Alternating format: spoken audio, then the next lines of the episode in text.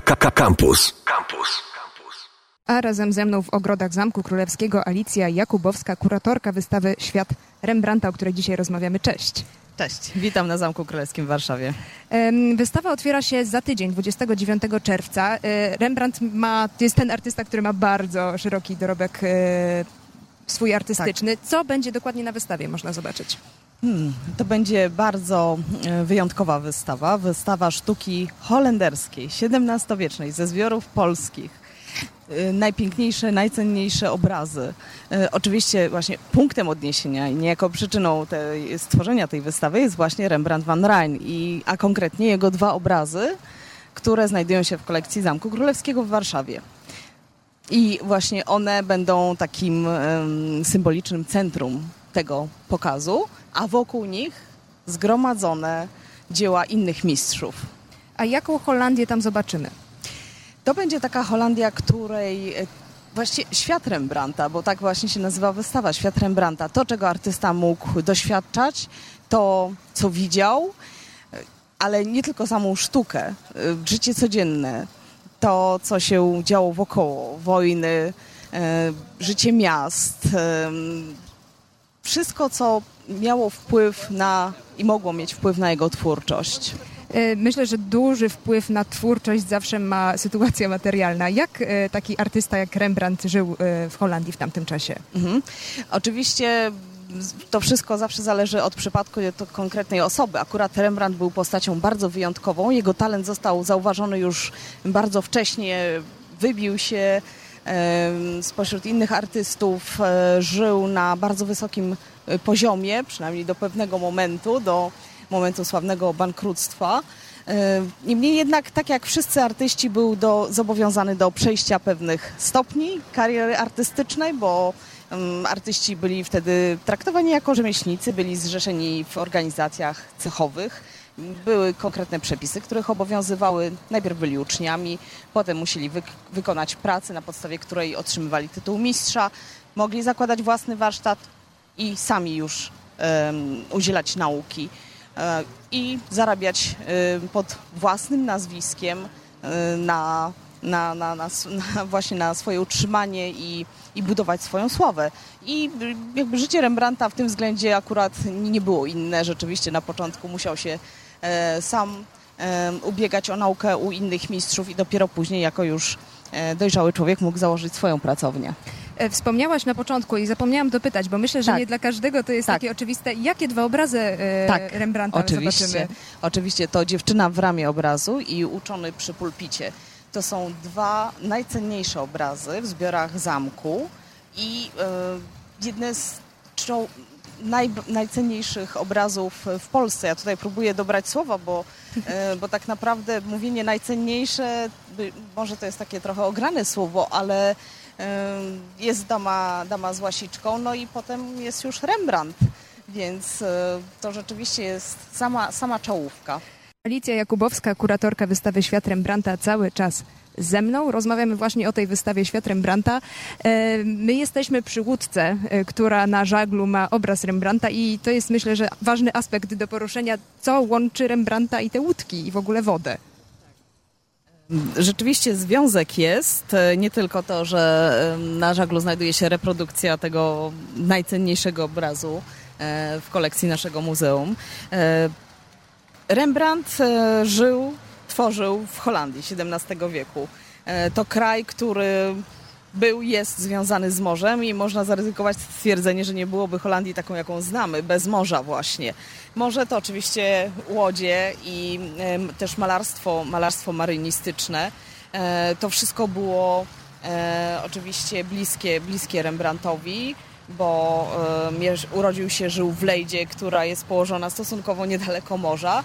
To morze było istotną częścią życia ówczesnych ludzi, więc e, temat łodzi jest e, jak najbardziej, najbardziej odpowiedni i chcieliśmy właśnie nawiązać w ten sposób, pokazać do te, to, że Rembrandt żył w konkretnych warunkach, był Holendrem, żył w XVII wieku i, no i właśnie to, to, to była ta część, część codziennego życia. Łodzie, statki handlowe, które przypływały do Amsterdamu, w którym e, artysta spędził e, dużą część swojego życia.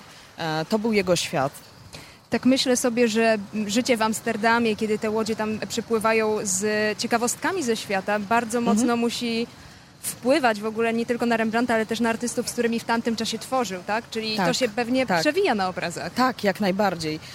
Statki holenderskie, Holendrzy docierali na cały świat, podróżowali i do Chin, i do Japonii, Indii, i, w, i patrząc w stosunku do Europy w drugą stronę, do obu Ameryk, e, do Amsterdamu, do innych portów holenderskich przypływały statki obładowane towarami e, z dalekich stron, tkaninami, żywnością, ale też e, różnymi dekor- przedmiotami dekoracyjnymi, e, cer- e, ceramiką chińską.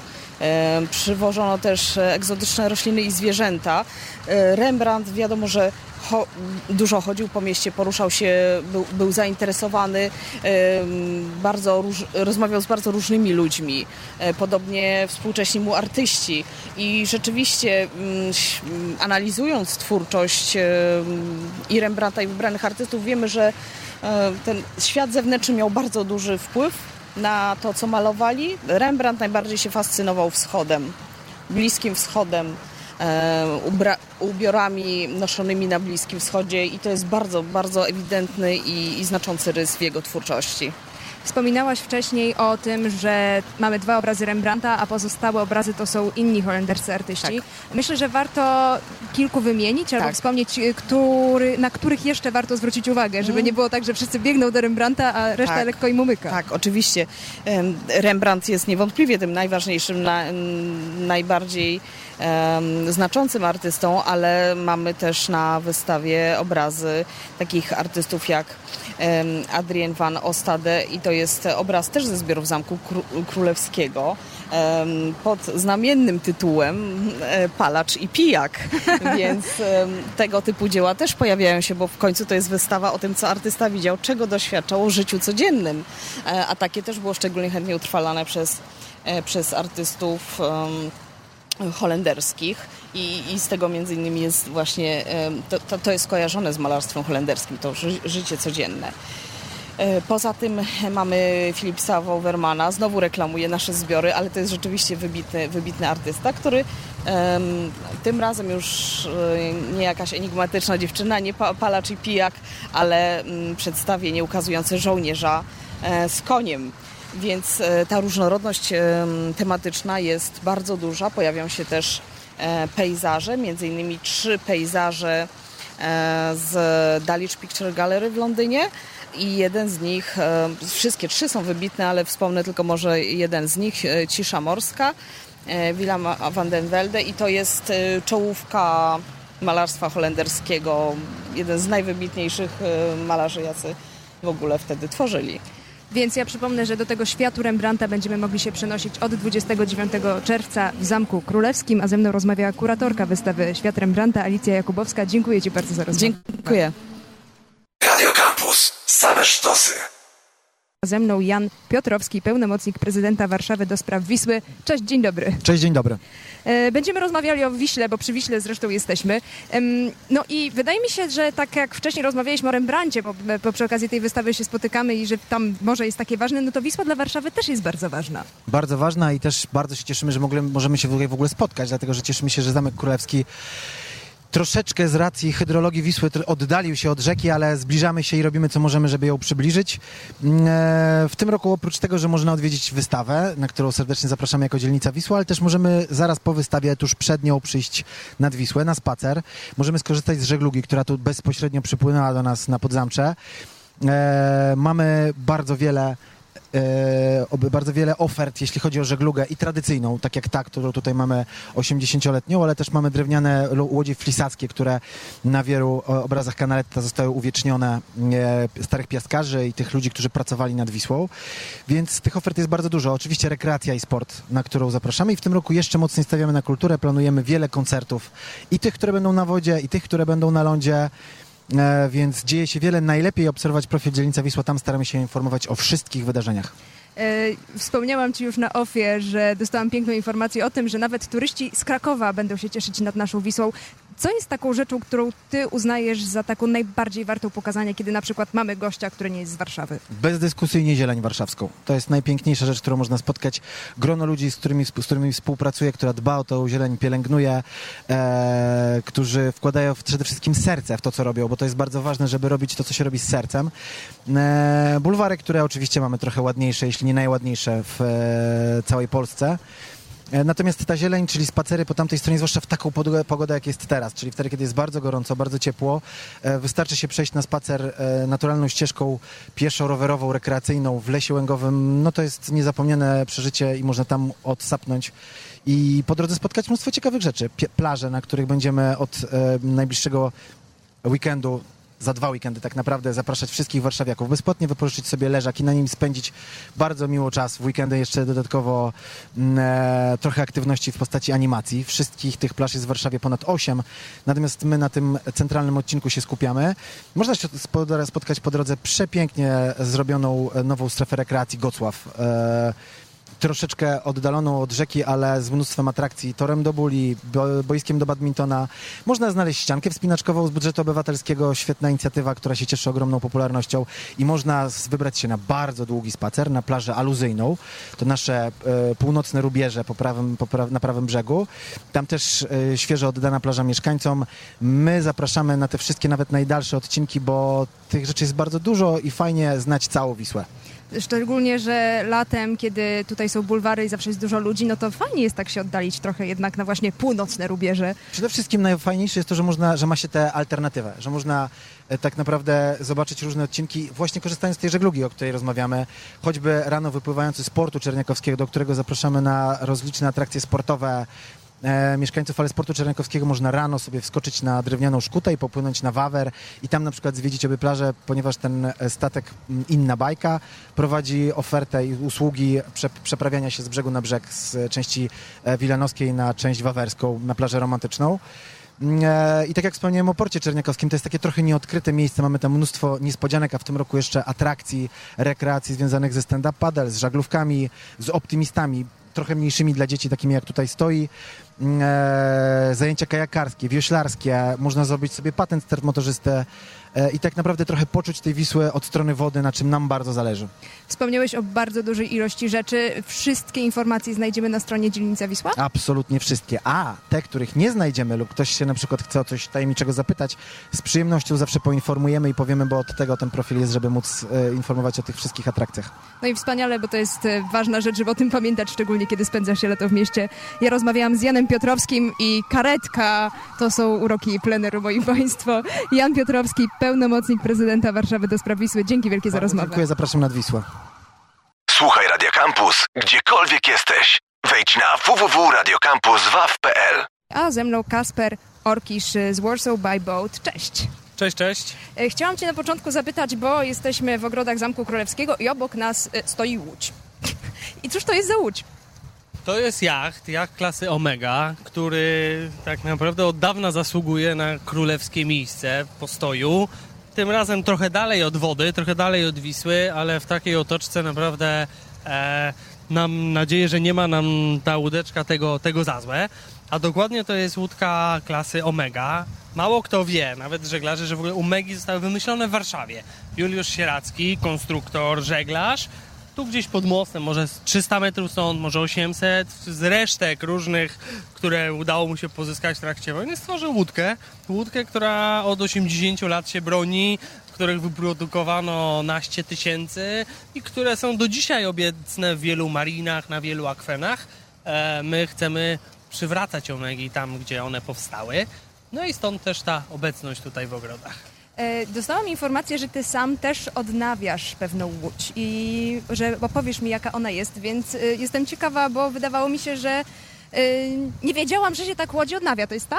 Wszystkie łodzie to jest tak, jak czasami ludzi trzeba odrestaurować, budynki, samolot akurat bym się bał, natomiast jakby każda rzecz, która ma jakąś wartość więcej często niż materialną, no zasługuje na to, żeby tchnąć w nią drugie, drugie życie, szczególnie jeżeli ten, ta baza jest super. I tu właśnie ta łódka, która jest za nami, no to jest efekt naszej kilku, łącznie kilkuletniej, bo z przerwami, a te, ale kilkumiesięcznej w, w trybie ciągłej pracy, bo to jest właśnie taka bardzo klasyczna e, łódź typu Omega, słomkowa, czyli składa się z dziesiątek e, listewek małych, E, tak jak kiedyś właśnie tradycyjnie się budowało jachty i to wynikało z jednej strony z technologii, ale z drugiej strony też z materiałów, których e, korzystano. Więc ta łódeczka, odszukaliśmy ją, bo to jest początek lat 60., więc ona też już ma swój wiek. Jest to oczywiście, no nie jest aż tak stara jak w ogóle Omegi, ale te pierwotne, no gdzieś tam na pewno trochę się różniły, ale, ale niewiele, więc jesteśmy blisko tego pierwowzoru. Po tej ekspozycji tutaj e, w trakcie właśnie wystawy na pewno łódka wyląduje też na Wiśle, co rodzi kolejne wyzwania, bo na przykład jak ona tutaj stoi, to między tymi deseczkami one schną. Widać I jeszcze po jej, prześwity. Dokładnie. I jej pierwszy kontakt z wodą, tak naprawdę musi być kontakt kontrolowany, bo ona tą wodę nabiera wszystkimi możliwymi przedświtami, dziurkami, aż napęcznieje wtedy się ją wybiera i po dwóch, trzech dniach można pływać. I będzie działać fantastycznie. Powinna, powinna. Czy będzie? Zobaczymy, zaprosimy Was na to, być może albo już na moment jak działa. Wtedy opowiemy jak to było, bo wiemy, że mogą być wyzwania. Myślę, że warto jeszcze powiedzieć, skoro Warsaw by Boat, e, czym po Wiśle można pływać? Wszystkim. Wszystkim. Pływanie po Wiśle, no to jest trochę jak jeżdżenie samochodem, że w zasadzie, czy innymi środkami mobilnymi, no drogi są, nie wszędzie na świecie są takie same.